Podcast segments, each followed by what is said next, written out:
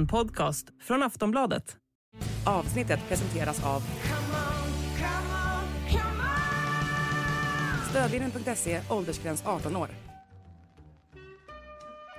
In the supermarket, you have eggs class 1, class 2, class 3. And some are more expensive than others, and some give you better omelets. That's the wrong information.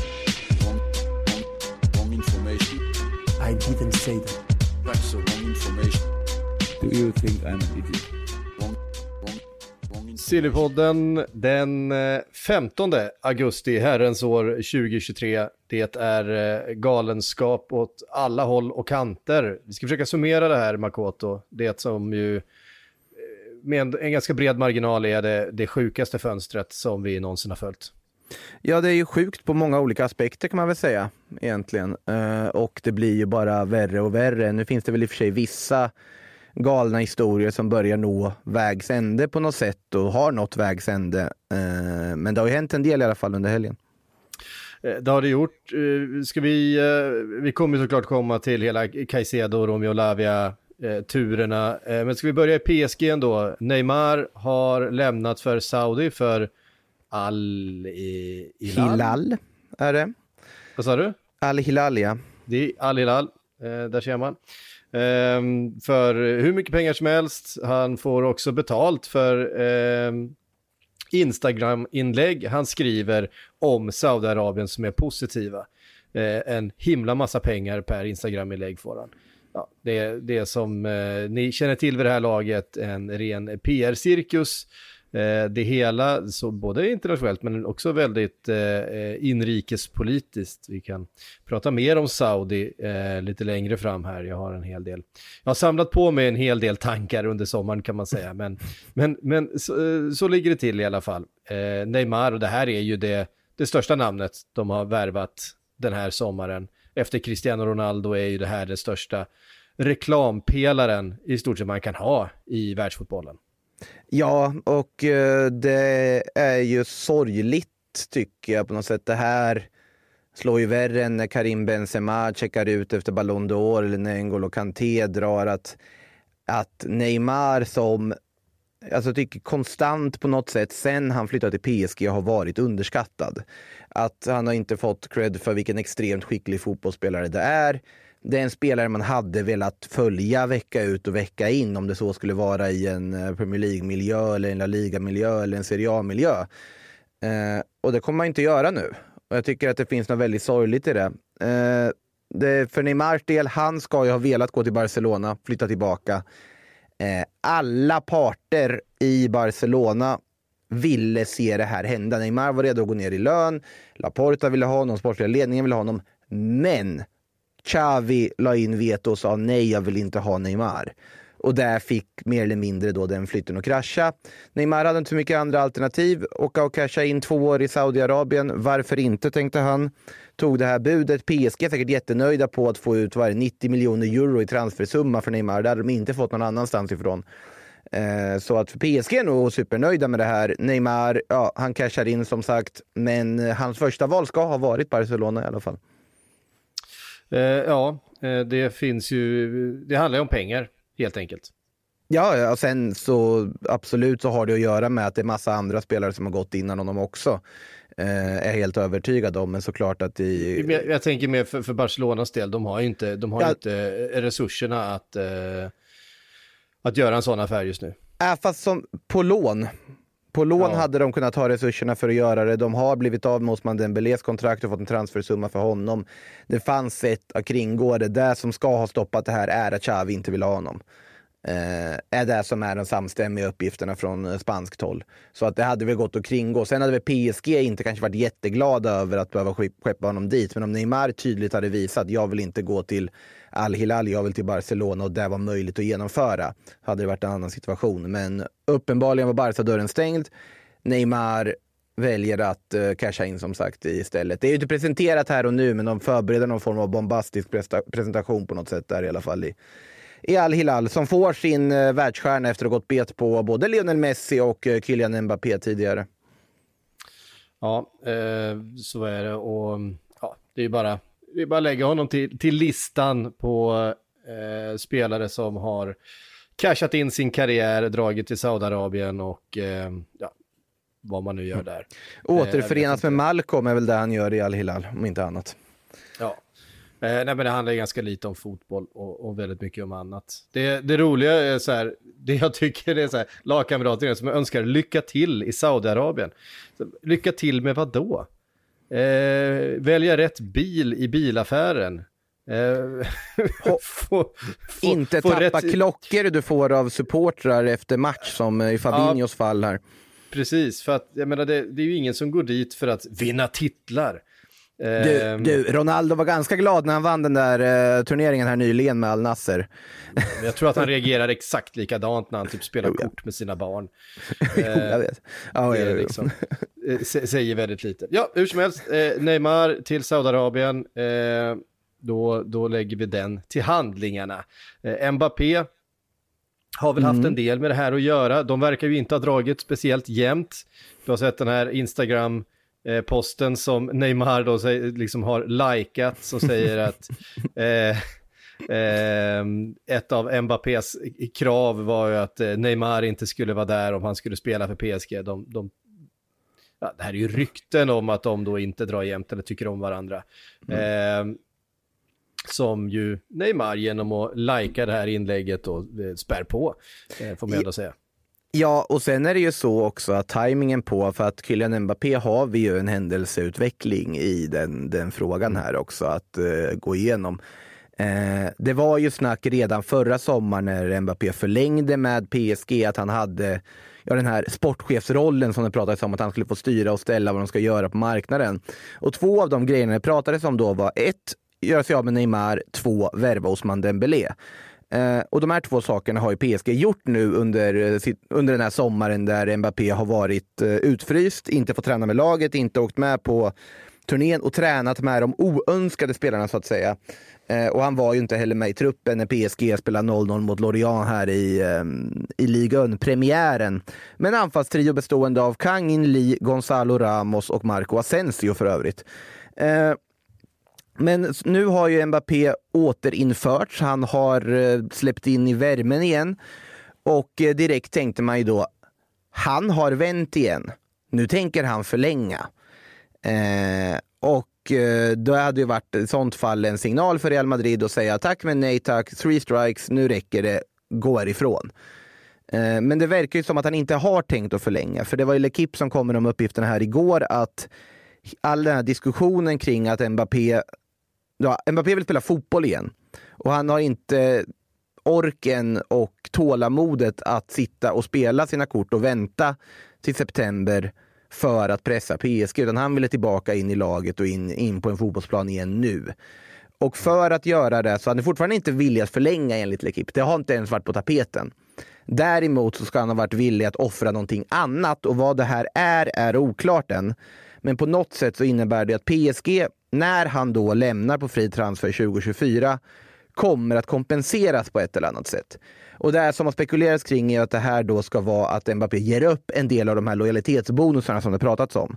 Att om PSG får de pengarna tillbaka, ger upp dem för att han ska få spela det här sista kontraktsåret. Eh, PSG å andra sidan, de insåg väl också att det här kan bli jobbigt om inte vi släpper tillbaka den bästa anfallaren vi har i truppen. Eh, och att man då tänker att vi kan nog få honom att förlänga under säsongens gång. Det har ju trots allt hänt förut. Så just nu så är ju Mbappé kvar i PSG. Han är med och spelar igen. Han tillhör eh, truppen och tränar med laget. Och där vi också kan slå fast är att han inte kommer flytta till Real Madrid den här sommaren. Eh, Real Madrids fönster är stängt, är ju det som har rapporterats eh, rakt av. Eh, vi kommer in på Real Madrid lite mer senare, men eh, ingen Mbappé den här sommaren. Vad som händer 2024 återstår att se. Min känsla är dock att om nu Mbappé skulle förlänga och då tvinga fram att Madrid måste betala en transfersumma om ett år, då är det bara för Real Madrid att säga nej, nu räcker det och gå därifrån. Då, då kan man inte gå med på det här vidare. Eh, men vi får väl se vad som händer. Den här sommaren händer ingenting mer i alla fall, verkar det som. Nej. Um och från eh, PSG och all dramatik där då till eh, eh, London, Brighton, Liverpool, triangeln och även Southampton. Nej, men det var ju när vi spelade in i torsdags hade det senaste vi hade hört då var att Liverpool på något sätt hade, eller det var väl egentligen att, att ehm, Liverpool hade budat över. Ja, det skulle komma rykten om att de eventuellt skulle göra det. Ehm, Hade det- de inte det hunnit, det- göra, hade de inte Nej, hunnit ha- göra det också? De hade, Nej, det hade de, de hade inte, de, de hade inte hunnit göra det. Det som hade hänt var att City hade lagt ett bud på Romeo Lavia. Eh, och försökte då kapa Chelsea hade lagt ett bud på Ja, Romeo Lavia. Chelsea, Ja. Chelsea menar jag.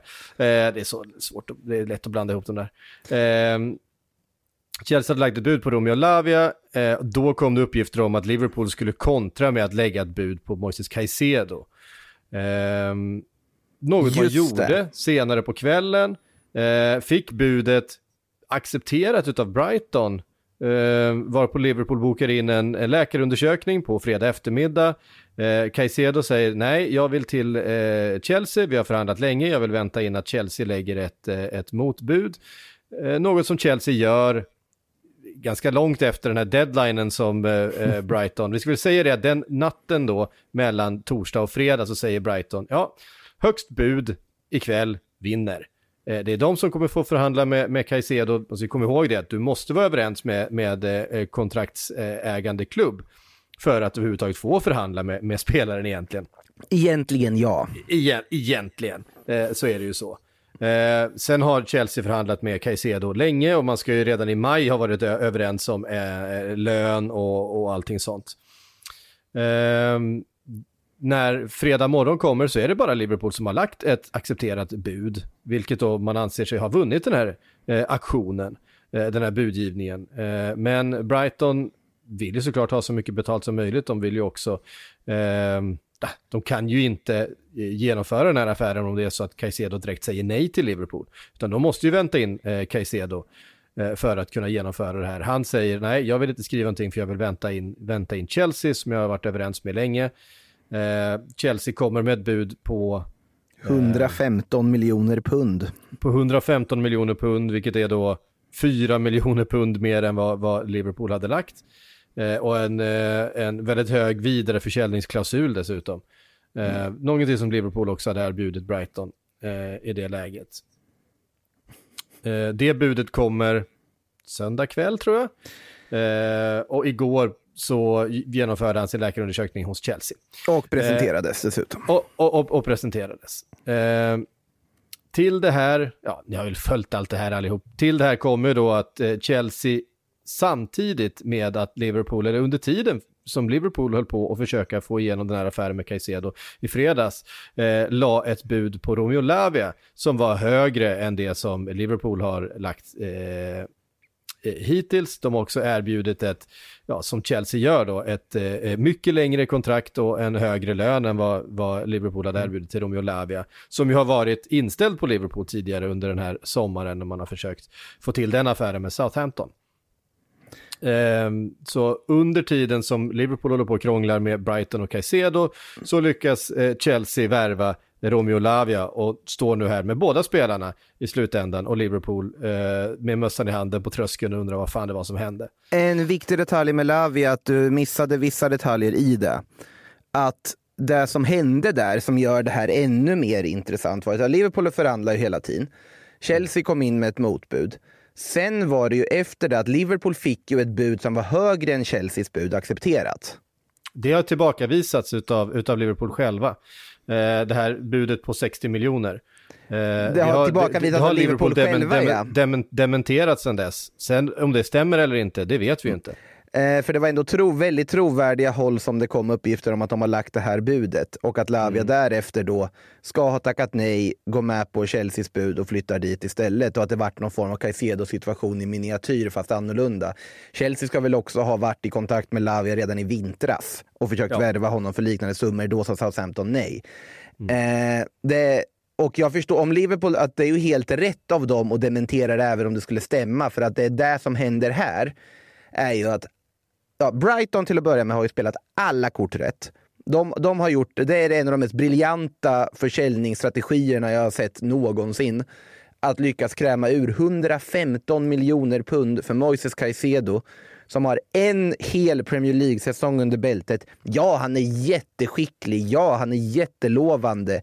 Ja, han är en av få som kan hantera de rollerna som både Liverpool och Chelsea har skrikit efter att få in i sina lag.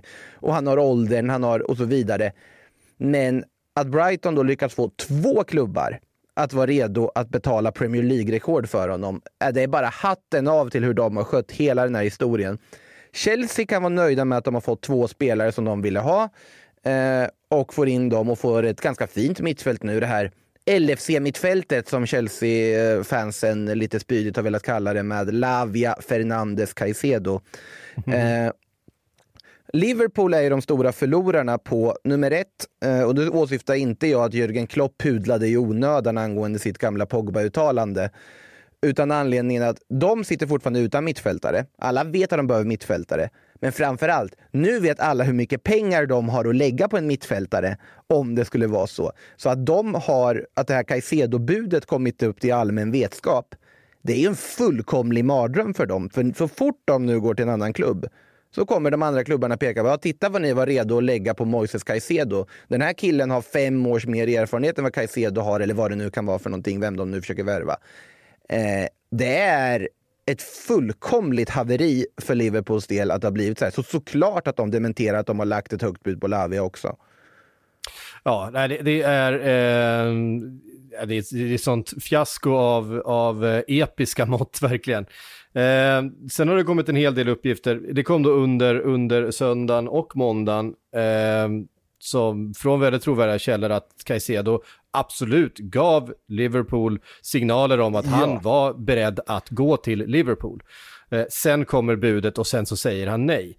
Det här får mig, och nu kanske jag låter lite konspiratorisk, men det här är ju inget nytt i, i den här eh, transfervärlden, att eh, agenter hör av sig, man, man trissar upp pris, jag menar Mbappé och, och Real-flörtarna och så vidare.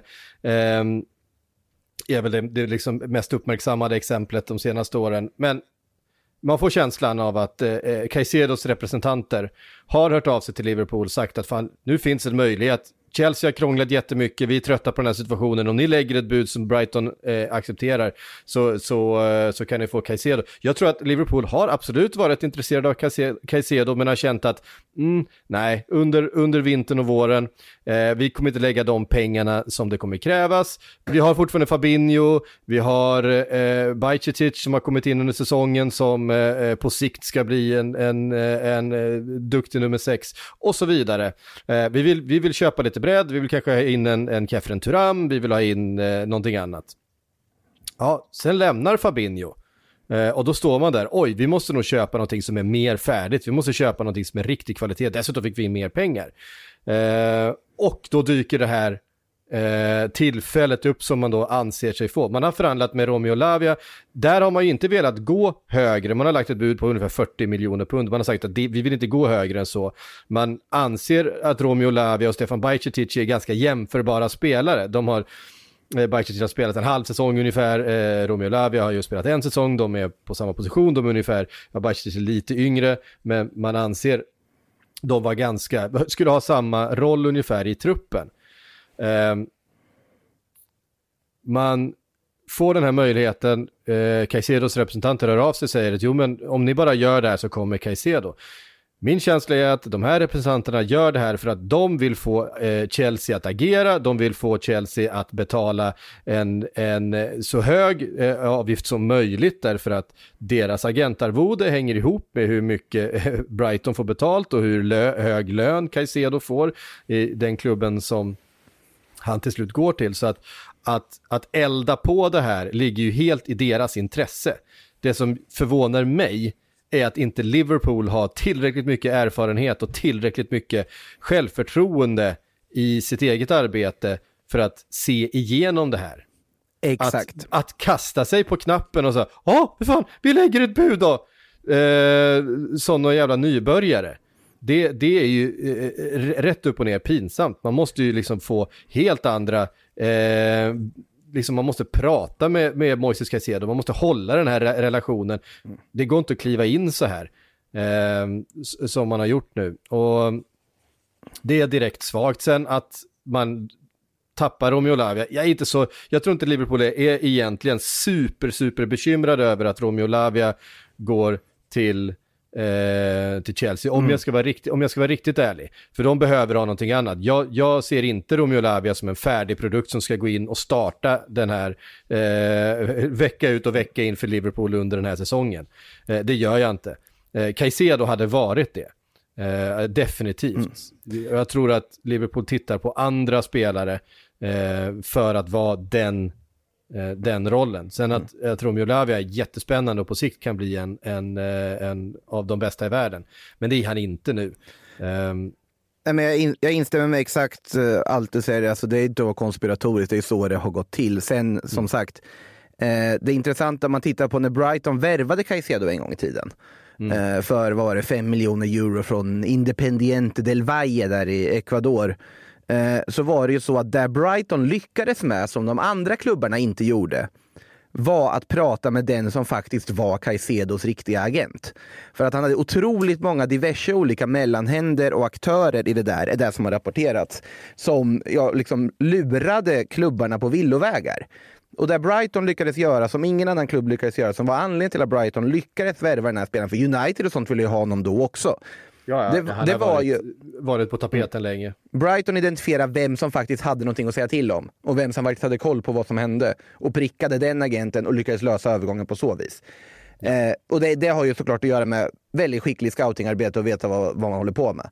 I Liverpools fall, här är det ju också, de får inte gå på det här. Och jag tror absolut att om de inte hade fått indikationer som de trodde på att Caicedo är redo att gå, då hade de aldrig någonsin lagt det där budet.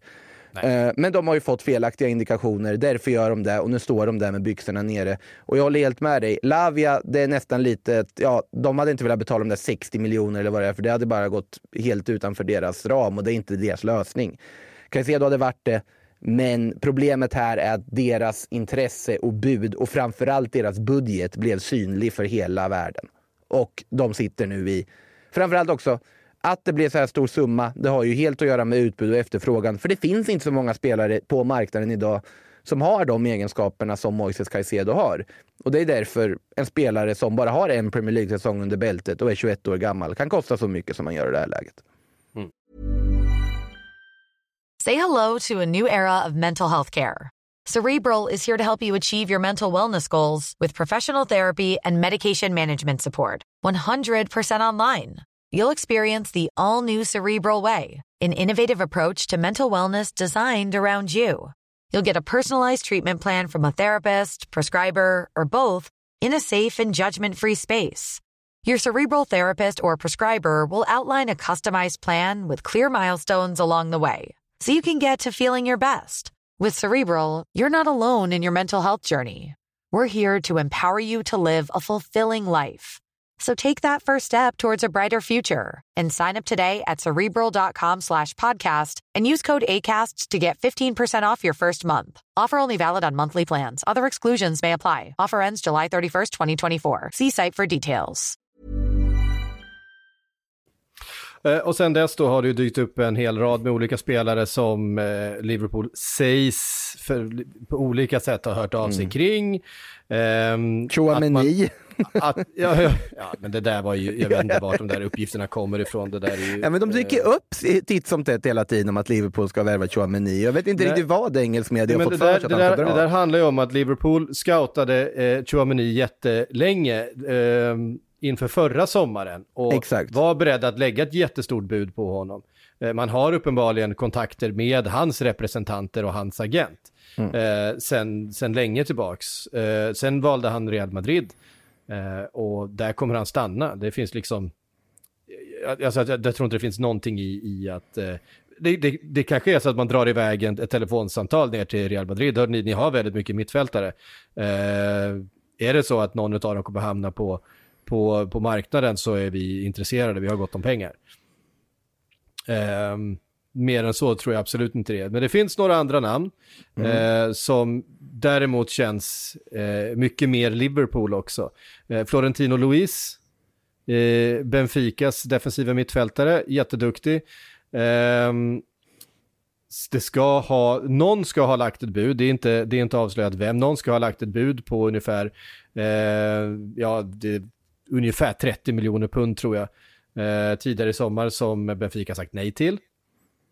Det är ju mer än, än ett Liverpool har värvat mycket från Portugal senaste, mm. eh, senaste åren, men också en åldersprofil eh, som är ganska typisk Liverpool. Jag tror han är 23 eller 24 år gammal. Han har gjort, spelat de här säsongerna, han har gjort de här matcherna.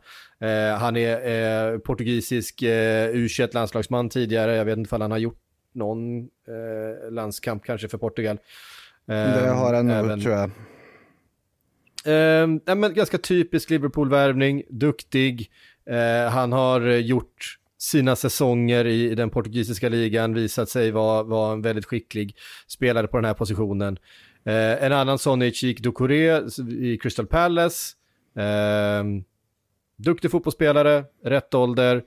Oklart om Crystal Palace i det här skedet av, av eh, fönstret kan tänka sig att släppa honom. Nu är det väl som att man eh, eventuellt kommer få släppa Olise till, till Chelsea också. Vi ska prata mm. lite grann om, om deras, deras affärer Ehm, vidare här. Men eh, eh, Palinja pratas det om, eh, Fulhams fynd som man gjorde eh, förra säsongen. Det kommer bli dyrt i sådana fall. Fulham eh, kommer inte vara speciellt intresserad av att släppa honom, men det är klart, för rätt pris så kan man nog göra det. Och sen så har ju faktiskt Kefren Turan dykt upp igen då på, på radarn att eh, Liverpool ska ha hört av sig. Där var man ju varit länge och scoutat och inte tyckt att Nice har varit eh, tillräckligt eh, lättförhandlare när det kommer till pris. Nis vill ju inte sälja Kefren Transkman. Ja, de lär ju bli eh, mycket mer lättförhandlade nu. Uh. Ja, alltså eh, där kan man nu få loss Kefren Turam om man betalar eh, prislappen som ni sätter på honom, men den kommer ju inte ha sjunkit under sommaren här. Eh, utan det kommer ju bli betydligt högre än vad man inte var beredd att betala i, i maj. Eh, när, det, när de ryktena först eh, dök upp. Och sen såklart finns det, finns det fler runt, men det är de, de fyra främsta tror jag som eh, eh det har ryktats om. Ja, och sen så Sangare heter han va, i PSV. Ja, från PSV. Eh, André från Fluminense pratas väl om också i bras ja, brassen. Där ska, väl, där ska det väl vara så att han eh, inte är beredd att lämna nu, eftersom de har eh, kvalificerat sig då långt i, i Copa America. Han vill spela färdigt den här säsongen som de är inne i då med, med, eh, med Fluminense, eh, att han kan tänka sig komma i januari. Och det skulle väl vara ett bra alternativ kan jag tycka, om man får in någonting annat också. Man behöver få in mer än en mittfältare. Det, eh, och kommer den andra mittfältaren i januari så tror jag man kan leva med det. Det är en jättespännande spelare. Risk att svära i kyrkan, är det helt otänkbart att dra ett skamlöst samtal till Everton angående Onana? Ja, det tror jag. Alltså, för ja, det, det hade ju faktiskt varit perfekt. Ja, men han är också lite för oslipad skulle jag säga. Jag tycker han är ehm. klart mer, mer färdig och passande i det som Liverpool behöver än vad Lavia skulle ha varit om vi säger så. Ja, men det tycker jag också. Det vet ju du, vi har ju pratat mycket och även när inte, när inte mikrofonerna har varit på, att jag har inte varit speciellt, eh, mm. eh, speciellt tänd på Romeo Lavia eh, generellt den här sommaren och sen att det har varit det namnet som har förknippats mest med Liverpool, att de eh, har framförallt då var det, var det Kefren Turam det handlade om och sen att nej, vi kommer nog satsa på Romeo Lavia istället. Det, det, det tyckte jag var, var märkligt när de uppgifterna kom, men så verkar det ju vara. Det får, eh, vi har ju fått mycket frågor då om vad som har hänt med Liverpool egentligen. Det som för några säsonger sedan var laget som alla på något sätt ville ta efter. De som var så framgångsrika på transfermarknaden, som hittade spelare för bra priser i rätt ålder, som bara gick in och, och, och gjorde skillnad direkt i laget. Eh, hur har man hamnat här? Som verkade ha så bra koll, gjorde sina affärer tidigt, gjorde sina affärer snabbt. Inga långa utdragna förhandlingsrunder som läckte ut i media vecka ut och vecka in. Det här var ju inte alls så som Liverpool höll på.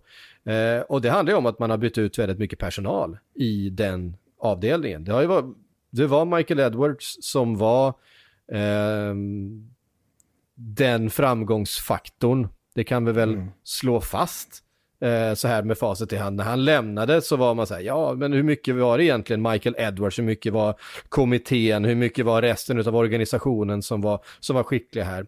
Ja, sen Michael Edwards lämnade så har det ju gått ganska raskt ut för. Eh, Ward tog över, som då var Michael Edwards liksom tilltänkta efterträdare, som hade gått bredvid Michael Edwards länge, var fortfarande ganska skicklig i sina förhandlingar, löste de här eh, spelarna som man tittade på då, fick inte in kanske allting som eh, Liverpool hade behövt, men ändå. Men lämnade efter bara sex månader, då undrar man vad är det egentligen som inte stämmer? Bakom kulisserna i organisationen i toppen i, i Liverpool. Det pratas ju om att, eh, att eh, Jürgen Klopp och hans eh, assisterande har fått mer och mer inflytande och har velat ha mer och mer inflytande över vilka spelare som värvas in. Och att det ska vara ett anledning till då att de här sportcheferna ska ha lämnat. Det är lite oroväckande i sådana fall. För i så fall kanske den, alltså Klopp och hans team måste ta ett kliv tillbaka och inse att vi löser inte riktigt det här. Det här blir inte så bra.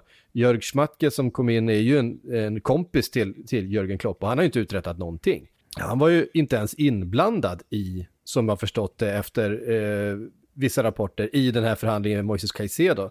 Utan det är ju Billy Hogan, klubbchefen, som har varit inne och förhandlat. För man, eh, jag vet inte ifall det är så att det var mellan, med en annan, eh, eh med engelska klubbar eh, och att man har haft inne Jörg Schmatke för, för andra saker. Jag vet inte riktigt. Det verkar jävligt rörigt och eh, det lyser inte direkt eh, kompetens om den delen av eh, Liverpools backroom staff just nu. Schmatke kan ju det, och, det, och, det, och det är ett läge när man har full panik egentligen. Man måste ha in ett par spelare på de här två veckorna som är kvar av transferfönstret. Men man verkar inte alls ha personal kompetenta att, att göra det på ett, på ett bra sätt. Och då har vi inte ens pratat om att de behöver en mittback också. Nej, det, så är det ju. Det, Nej, men en, en, en mittfältare och en mittback eh, här och nu skulle jag vara rätt nöjd med och sen så får man hitta en mittfältare i januari också. Men det är bara lös, lös Turam. Alltså jag, förstår, jag var lite så här funderad på vad hände med Kefren Turam? Var inte han typ klar? Men sen, det är bara att lösa den nu i sånt fall. Ja. Absolut, jag tycker väl att de egentligen behöver nästan ett ankare, men jag tycker framförallt att de behöver någon som har liksom fysiken och längden på mitten som kan vara någon sorts murbräcka och täcka ja. och täcka ytor. Och Kefren Turam är en ganska mångsidig mittfältare som skulle kunna göra det och ta det liksom, uppoffrande jobbet.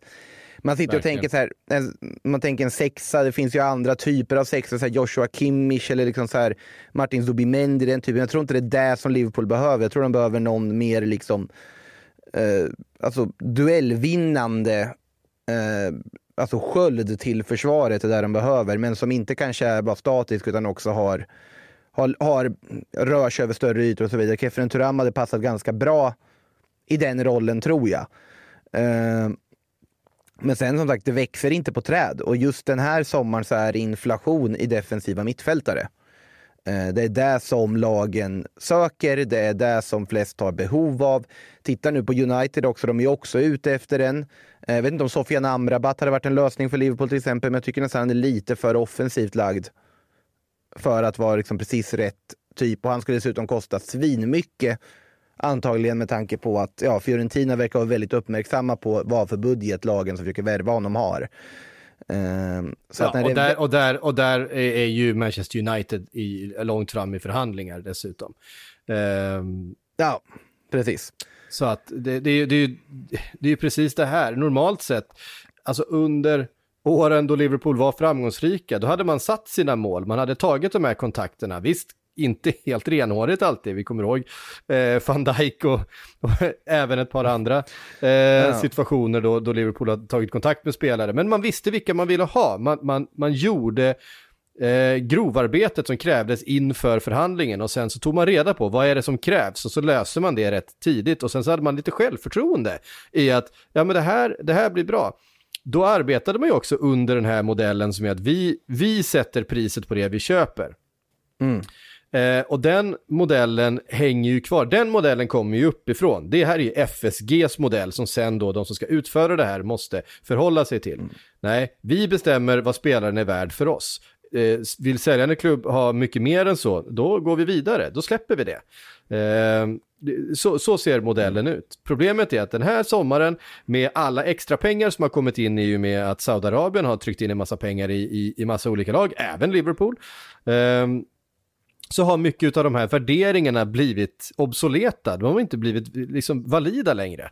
Eh, det, går inte, det går inte att Eh, det går inte att spela badminton på en rugbyplan liksom. Ja, fast grundvärderingen är densamma, bara att värdena är högre. Att man anser idag att Caicedo är värd 110 miljoner pund. Det gjorde man inte för ett dels, år sedan. dels det, plus att man inte har gjort det tillräckliga liksom, markarbetet. Man har, inte haft, man har inte haft rätt personal att göra det här grundförarbetet, att, Mm. att kratta de här övergångarna i, i tid, utan man ska sitta och, och små förhandla, du vet, varannan vecka lägga ett bud som är, som är tre miljoner högre. Eh, det är inte så man har gjort tidigare. Man har förhandlat ganska snabbt, man har gjort det eh, utan att någonting har läckt, man har kommit överens. Kommer ihåg när Fabinho dök upp från Monaco? Det var inte billigt. Nej, Men- det var det inte.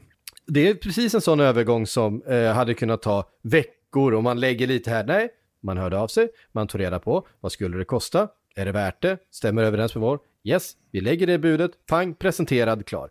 Det var samma sak med Mohamed Salah, det var samma sak med, med Luis Diaz när han kom, för att Cody ta ett lite mer ny, ny, nytt exempel. Cody Gakpo i vintras visserligen. Eh, McAllister, till viss del. vad sa du? McAllister var ju också... Det, men, men det var ju en klausul.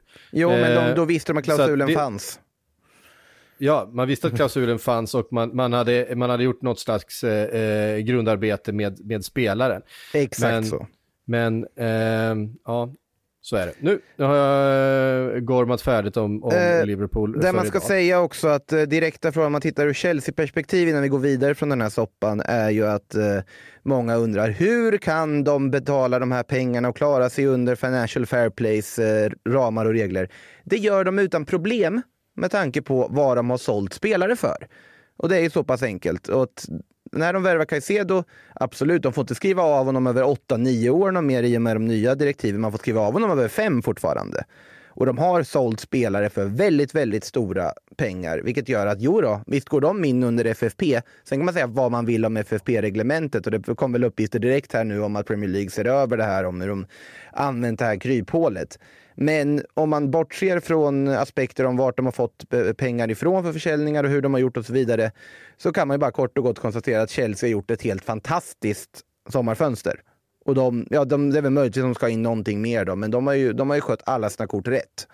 Och ja, de är inom FFPs ramar. Och sen måste Mm. De så- bara få och- och lite det- framgång nu också. Ja. Ehm, det det handlar om också, det är inte bara FFP, utan det handlar också om, om Premier Leagues interna regler. De har också ett regelverk som, som Ja. reglerar hur mycket, eh, och det handlar också om hur mycket du får ha i amortering varje år och, och lön i varje år i förhållande till hur mycket pengar du tjänar. Ehm, det fungerar lite annorlunda än FFP och det här är, det är det som Everton nu, eh, eh, vad säger man, står Ja, anklagat så- eller ja, misstänks för att ha brutit då. Eh, det handlar om Premier Leagues egna regler och där finns det frågetecken runt Chelsea. Eh, och där ska man ju också eh, ändra reglerna så att man inte ska få sprida ut den här liksom själva övergångssumman över alla de här kontraktsåren. Det, det är en förändring som kommer, alltså det här kryphålet ska ju då stängas, men den enda som tjänar på det är ju Chelsea, för de har ju redan genomfört sina eh, affärer. Exakt. Och, och vi ska ju, Eh, som sagt, de har ju också sålt för extremt mycket mer pengar än vad någon annan klubb har gjort i, eh, i det här fönstret. Och det ska man ju komma ihåg och det är det som möjliggör att de kan spendera. Nu kan de spendera jättemycket mer än så här och framförallt så behöver de ju börja få in någon form av revenue på att de måste vinna saker, ta sig till Europa och så vidare. Eh, Men det, det är ett problem för framtida Chelsea. Eh, I det här ja, det läget. problem, och, det kan bli, och det kan verkligen bli ett problem för framtida Chelsea. För är det så att de inte kvalificerar för Champions, sig för Champions League, det man också ska komma ihåg med Chelsea, de har inte arenan till exempel som ett eh, eh, Manchester United eller Tottenham har som genererar ganska mycket pengar. Nej. Man har en ganska liten arena, en ganska sliten arena eh, som inte har så mycket av de här extra intäkterna som, eh, som finns runt många av de andra stora lagen. Så man är väldigt beroende av de här sportsliga framgångarna för att få tillbaks ehm, en del alltså intäkt för att kunna täcka upp för de här eh, många och långa amorteringarna man har eh, över det, de närmaste nästan decenniet. Alltså vad fick Caicedo? Han fick nio år va? Ehm, 8 plus 1 tror jag till och med. Ja, precis. Ehm, så att, ja, det, det, ja, vi har pratat om den här eh, den här strukturen och den här modellen tidigare som vi ju inte har sett förut och eh, vi vet ju inte riktigt det, om det är så att Chelsea på sikt målar in sig ett hörn. Jag tror att man har en plan för hur man ska hantera det framöver också. Vi ser ju att man, många av de här kontrakten man har skrivit eh, och spelare med höga löner som man hade inne kunde man ju ganska enkelt eh, skeppa iväg till, till Saudiarabien och få tillbaka eh, mycket pengar för den här sommaren. Så eh, det där hörnet kanske har en, en escape door, escape Mm. route. Eh, eh, ganska troligt som vi inte känner till här idag. Känslan är det. Eh, vi tar oss vidare eh, därifrån då. Vi kan väl bara slänga in att det nu kommit Saudi-rykten runt Salah och Gabriel. Salah för att han var arg för att han byttes ut och Gabriel för att han eh, började på bänken. Del, direkt så dyker det upp saudiska bud. Eh, ingen av de här kommer såklart lämna sina klubbar den här Ja, sommaren. Alltså, om, om, eh, alltså det är väl eh, hål i huvudet för båda om de skulle över- överhuvudtaget överväga att sälja. Eh, Nej, det finns inte. Alltså, Alltså Salah har redan tackat nej till, till, till men jättebud Sal, den här Salah kommer inte gå dit. Sen var Gabriel var det väl ändå liksom att det har ändå dykt upp liksom någorlunda seriösa artiklar om det, men det är fortfarande, det finns väl inte på kartan att Arsenal kan tänka sig göra det. Nej, det tror jag Ja. inte. Eh, vi var inne på eh, PSG, en, eh, har eventuellt hittat en ersättare till Neymar, eh, nämligen Chiesa, eh, som ja, kliver in rätt och slätt på, på samma position egentligen. Eh, kan springa och dribbla där ute till vänster. Det är klart att det är inte riktigt samma reklampelare, men en spännande spelare som Juventus uppenbarligen verkar eh, beredda att släppa eh, för rätt peng. Ja, framförallt det här PSG är inte byggt på reklampelarna mer. Det är byggt på att de vill ha kompetenta fotbollsspelare som ska fungera tillsammans. Eh, och jag har ju sagt det tidigare att jag tror att det här PSG känns bättre rustat för att kunna gå och liksom nå de målen de har än vad förra varianten var. För här har de ju valt en liksom vettig väg. Alltså värvningarna de gör är bra. De flesta i alla fall. Vissa undrar man väl lite om de verkligen håller PSG-nivå. Men eh, överlag så känns de som ett starkare lag. Sen när Kylian Mbappé ska in, alltså, återinföras i det här också.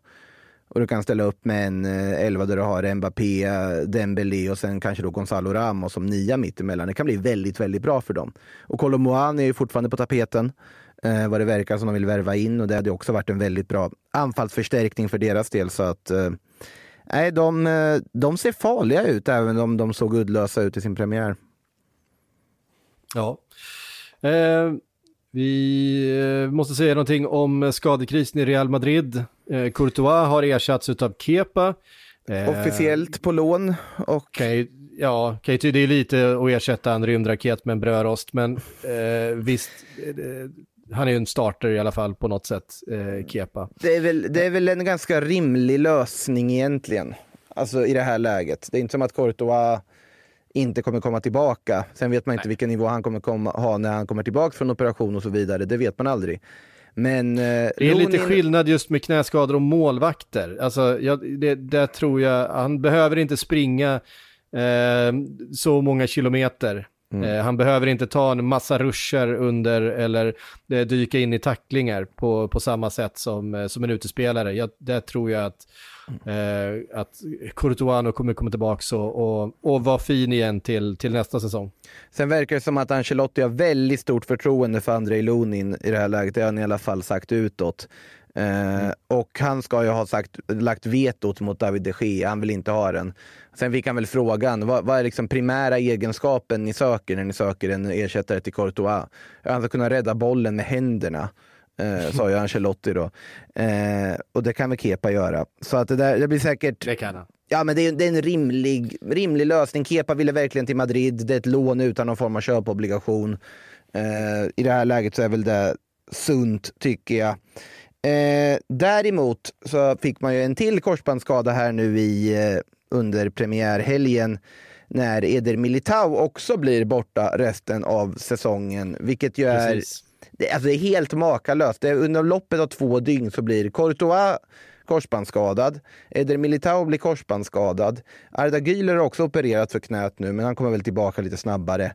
Eh, och Kylian Mbappé bestämmer sig för att nej, ja, men jag ska nog hänga kvar i PSG och den affären dör. Och Real Madrids fönster är stängt. De har ju också tydligt sagt vi ska inte ha någon ersättare som mittback. Det var ju mycket direktbilder på Sergio Ramos som dök upp i flödet.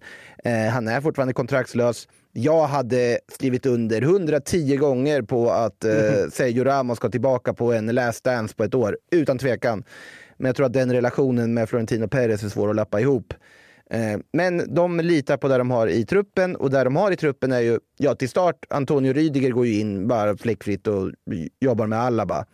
Nacho som backup, också bra. Men om någon, de här tre är inte tillgängliga bakom det, då ska man förlita sig antingen på B-laget eller på spelarna man har i truppen som får byta position. Och ja, då är det Chouameni som teoretiskt sett skulle kunna spela mittback. Men det är snack också om att Carvajal eller Mendy ska flyttas in.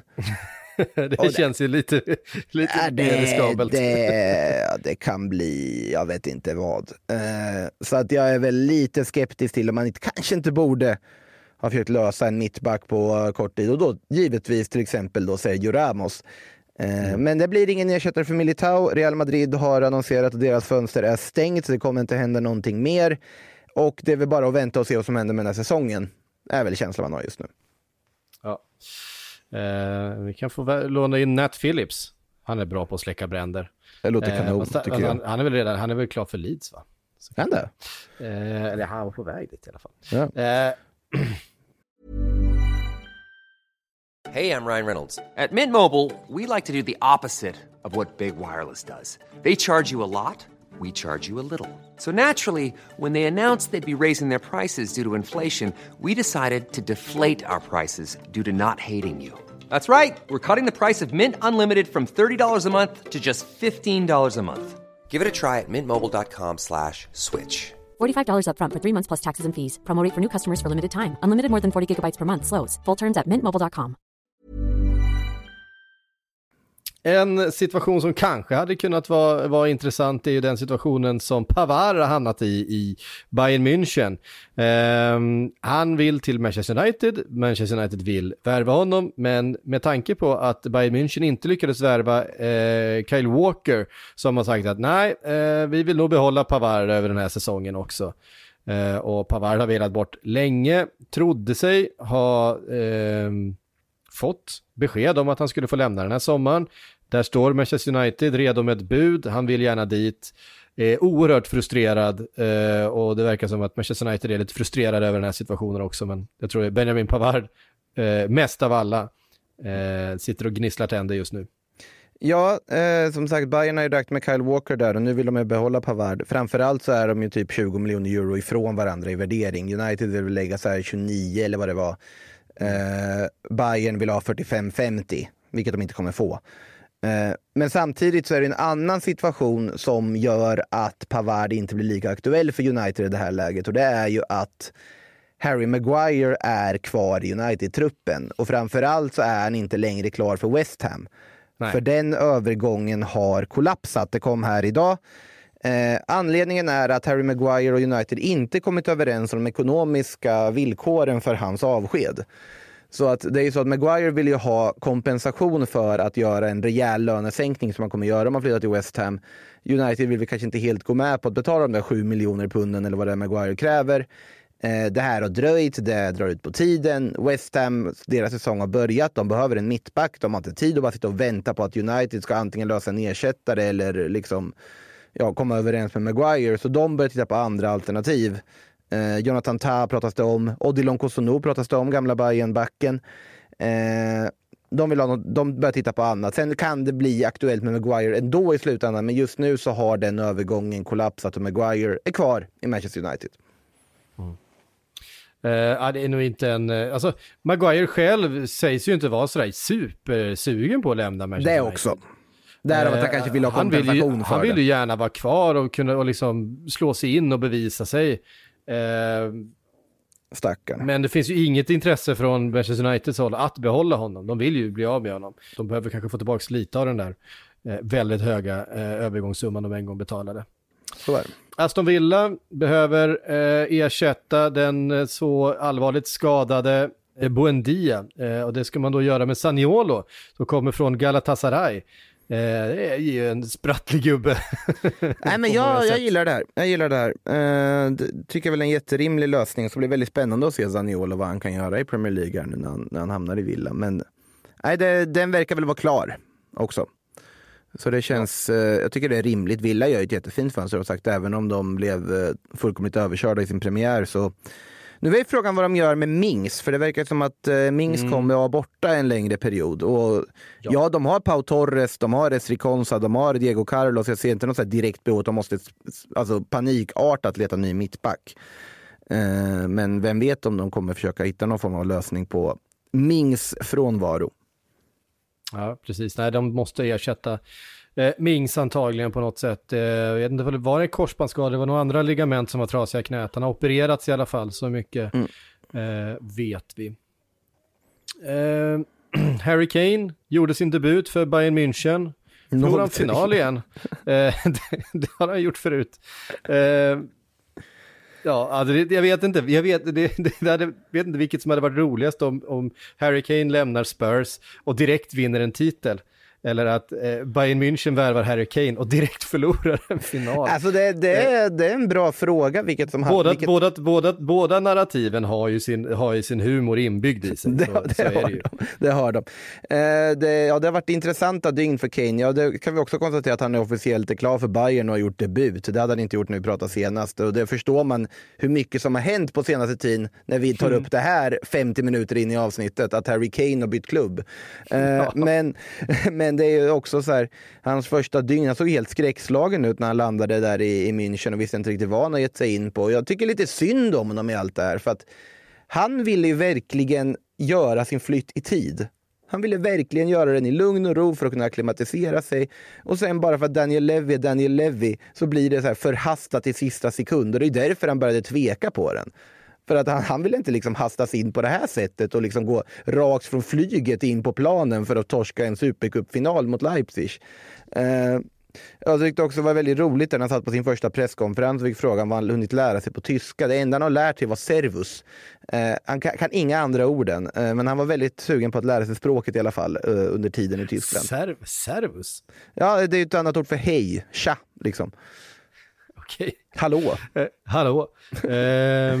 Det var inte liksom Ja. auf Wiedersehen vad inte han hade lärt sig. Det var servus var det han hade Ja. lärt sig. eh, Så kan det gå. Så kan det gå. Man lär sig något nytt varje dag.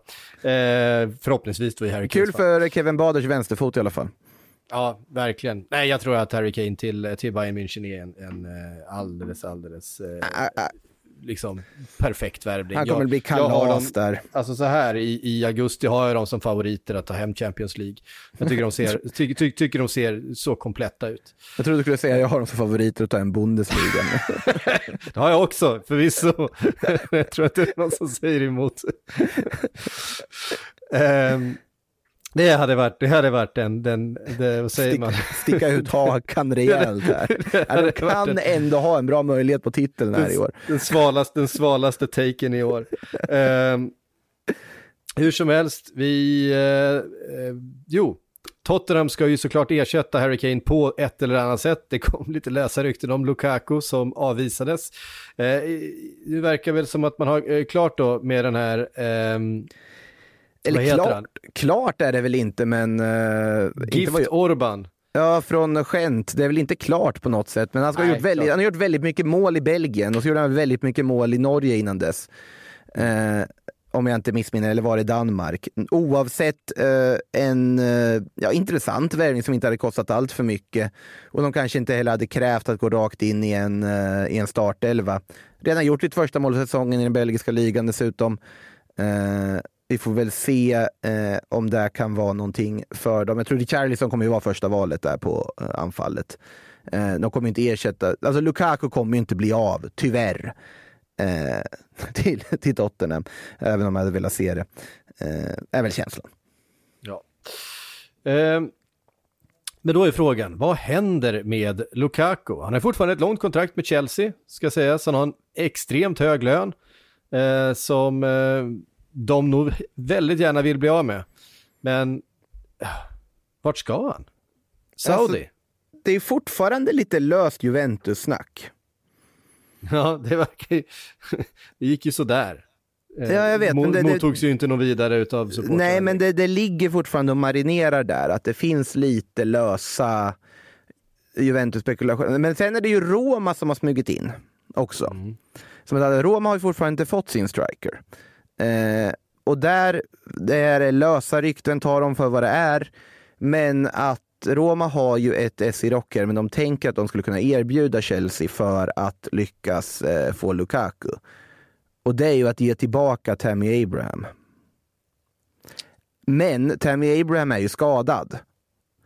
Eh, samtidigt, det är fortfarande så pass skickliga anfallare att det inte är helt otänkbart att Chelsea ändå skulle överväga att vilja ha tillbaka honom av desperation för att bli av med Lukaku. Eh, sen huruvida Lukaku skulle vilja gå till Roma, det ska låtas vara helt osagt. Eh, jag tycker att allt mer tyder på att Säg att Al-Hilal inte löser Mitrovic som kompanjon till Neymar. Det är också för övrigt en väldigt intressant resonemang från Al-Hilal. De har värvat Neymar och tänker, vem vill vi para ihop honom med? Alexander Mitrovic, det här blir kanon. Och gör ett nya offensiv mot Fulham. Men när den då har kraschat, om den nu gör det eller om de lyckas lösa det, att Lukaku ändå bestämmer sig, okej okay då, jag gör väl som alla andra och drar dit. Det är väl mitt scenario jag ser i eh, spåkulan just nu. Jag tror inte Roma löser honom i alla fall, men vem vet, konstiga saker har hänt. Konstiga saker har hänt. Roma på Eh, väg att värva en spelare som eh, ni borde gått för för övrigt. Paredes. Exakt. Ja, 4 miljoner euro fyndpris för en uh, otroligt kompetent, galen defensiv mittfältare som hade löst många av Liverpools bekymmer, är jag helt övertygad om. Eh, Inter eh, har värvat en, en, ja, det är en striker nu för tiden, eller ytter. Eh, han, Han är en en dåre hur som helst. Eh, Ren- Marko, Marko Arnautovic. Eh, 34 alltså, år gammal, 10 miljoner euro betalar de, 8 plus 2 uh, för att få Arnautovic. Sjukt pris för Arnautovic, jag vet inte. Han, jag, nu har inte jag sett allt han har gjort i Italien de senaste... Han har gjort det bra i Italien. säsongen. Jo, jag har förstått att han har gjort det bra, men det är ju fortfarande... Marko Arnautovic. Det är fortfarande Marko Arnau- Arnautovic med allt som det innebär och allt han kommer med. Eh, det är ju en, en stökig jävel på så många sätt. Eh, och ja, Alltså, men det är här- klart, han har, sina, han har sina fördelar på fotbollsplanen då och då, det, det har han. Fint att han återvänder till Inter 13 år senare också. Han var, ju, han var ju ändå med i den där trippeltruppen där under José Mourinho, eh, på lån då från Twente. Spelade väl tre matcher i ligan. Sen då Ja, när men de... då in- han var den nästa, nästa Ibrahimovic, det var väl det som var Precis. eh, eh, hans stora grej. Ja. Och eh, de valde att inte utnyttja då sin köpoption eller köpa loss honom och Mourinho förklarade det här med att det är en väldigt, eh, väldigt, vad var det? Väldigt fin person men med temperament som ett barn. Eh, och eh, det går, råder väl delade meningar om hur mycket han hunnit mogna sen dess. 34 år gammal, eh, Marko Arnautovic. Men jag, jag, det här ska bli kul att se. Jag, jag, jag tycker om det här. Men det är bara mest bara för att jag vill se det, se det brinna, höll jag på att säga. Eh, Arnautovic ska bli spännande att eh, följa. Alltså, med tanke på vad Inter har för budget och vad de håller på med så är inte det här dugg förvånande att de, de går på det här spåret. Sen är jag förvånad att de betalar en transfersumma för honom. Att de betalar en transfersumma överhuvudtaget är jag förvånad över. Ja. Eh, då är det ju lite piggare Bournemouths drag som jag vill slänga in också innan vi går på frågor och sånt där. Att, eh, när Chelsea då kastade Tyler Adams åt vargarna eller bara lämnade honom i frysboxen. så, som hade gjort sin läkarundersökning. Jag tycker han gjorde det den i så- torsdags. är så oseriöst alltså. Bara så här, ja, Ja, det, är- det är ju, det är ju, det är hårt alltså. Ja, att Bournemouth då är pigga, eh, liksom alerta nog att gå in och aktivera den. Och också verkar det som att Adams nu i det här läget är redo att gå till Bournemouth. Och där skulle han passa jättebra. De behöver in i mittfältare. Och, äh, jag tycker fortsatt imponerad av vad The Cherries sysslar med. Alltså, det är bra, bra smarta värvningar, de, smart tränarrekrytering. Jag tror de kommer gå väldigt fint den här säsongen. Han kommer in och avgör eh, mot, mot Liverpool på lördag. Tyler Chelsea gör Adams, det ja. igen. De släpper Tyler Adams till Bournemouth.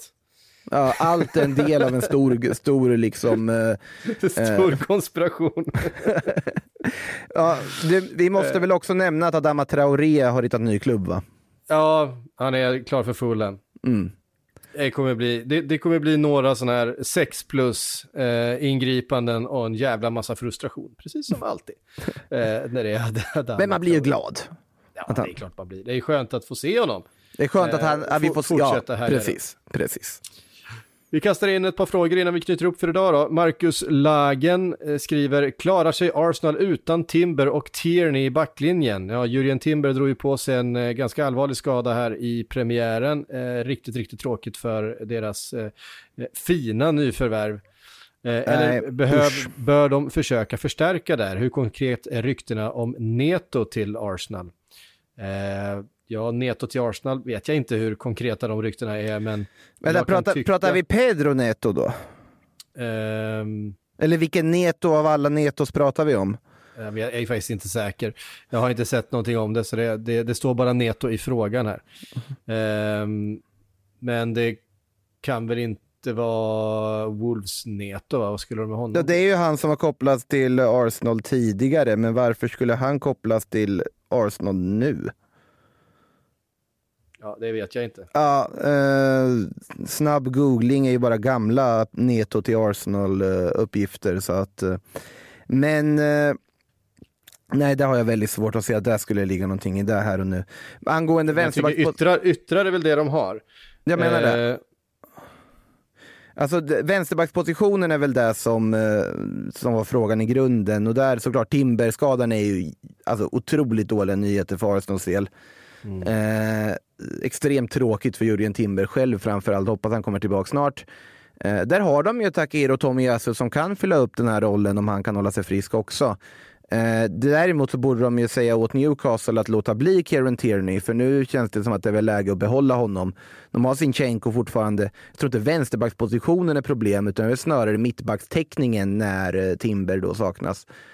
Så det är potentiellt då att de ska gå för en högerback snarare om man vänder på det. Använda Ben White centralt eh, när det behövs och kanske försöka liksom, eh, konkretisera intresset för Joao Cancelo. Eh, för Cancelo pratas det mycket om lån. Barcelona jagar ju honom, vill låna in honom. Pratas också om Arsenal där. Eh, prisbilden kanske inte är alltför hög. Lös Cancelo på ett säsongslångt lån och täck då, för Timber är en värvning för framtiden ändå. Så, att så har du fått in ett offensivt ytterbacksalternativ. Du kan använda White som mitt, mittback om du behöver och vänsterbacksalternativ finns redan i truppen. Ja, han har fått ett svar här, Marcus, utav någon som kallas för D. Eh, Cancelo kanske kunde vara något, om man inte avskräcks av att han verkar ha problem med auktoriteter som ställer samma krav, eh, om det så är match eller träning. Hade faktiskt inte Eh. läst det svaret innan jag sa det jag sa, men eh, great minds think alike, uppenbarligen. Eh, vet ni vad, vi har, fått, vi har nog svarat på alla de andra frågorna vi har fått. Eh, Ja, det var en fråga här jag såg som jag tycker ändå vi måste Okej. ta upp även om klockan eh, rinner iväg här. Och det är ju den som vill ha en liksom genomgående genomgång av Getafe Barcelona Ja, i söndags. det. Ja, men alltså, det, alltså att Pep Bordalas är tillbaka och tränar Getafe och går ut med den approachen han har i en premiär, att hela deras gameplan är att få Barcelona-spelare att tappa humöret. Det är det enda de har som plan. Och visst lyckas de när Rafinha bara delar ut en käftsmäll och tar det där röda kortet till slut efter att Damian Suarez testat domarens tålamod i en hel halvlek. Alltså det är det finaste och fulaste som finns på samma gång är Bordalas Getafe. Xavi, topplocket gick ju på honom också. Han blev utvisad. Han var arg på allt som finns i hela världen efter den matchen. Och eh, 0-0 i den premiären. Getafe är jättenöjda. Eh, välkommen tillbaka Bordalas till där du är hemma. Lämna aldrig Getafe igen. Eh, det var allt vi hade den här eh, tisdagen. På torsdag är vi tillbaka igen med eh, antagligen helt nya vändningar i allting det vi har sagt eh, hittills. För det är så det verkar vara den här sommaren. Till alla som har lyssnat, tusen tack. Vi hörs snart igen. Du har lyssnat på en podcast från Aftonbladet. Ansvarig utgivare är Lena K Samuelsson.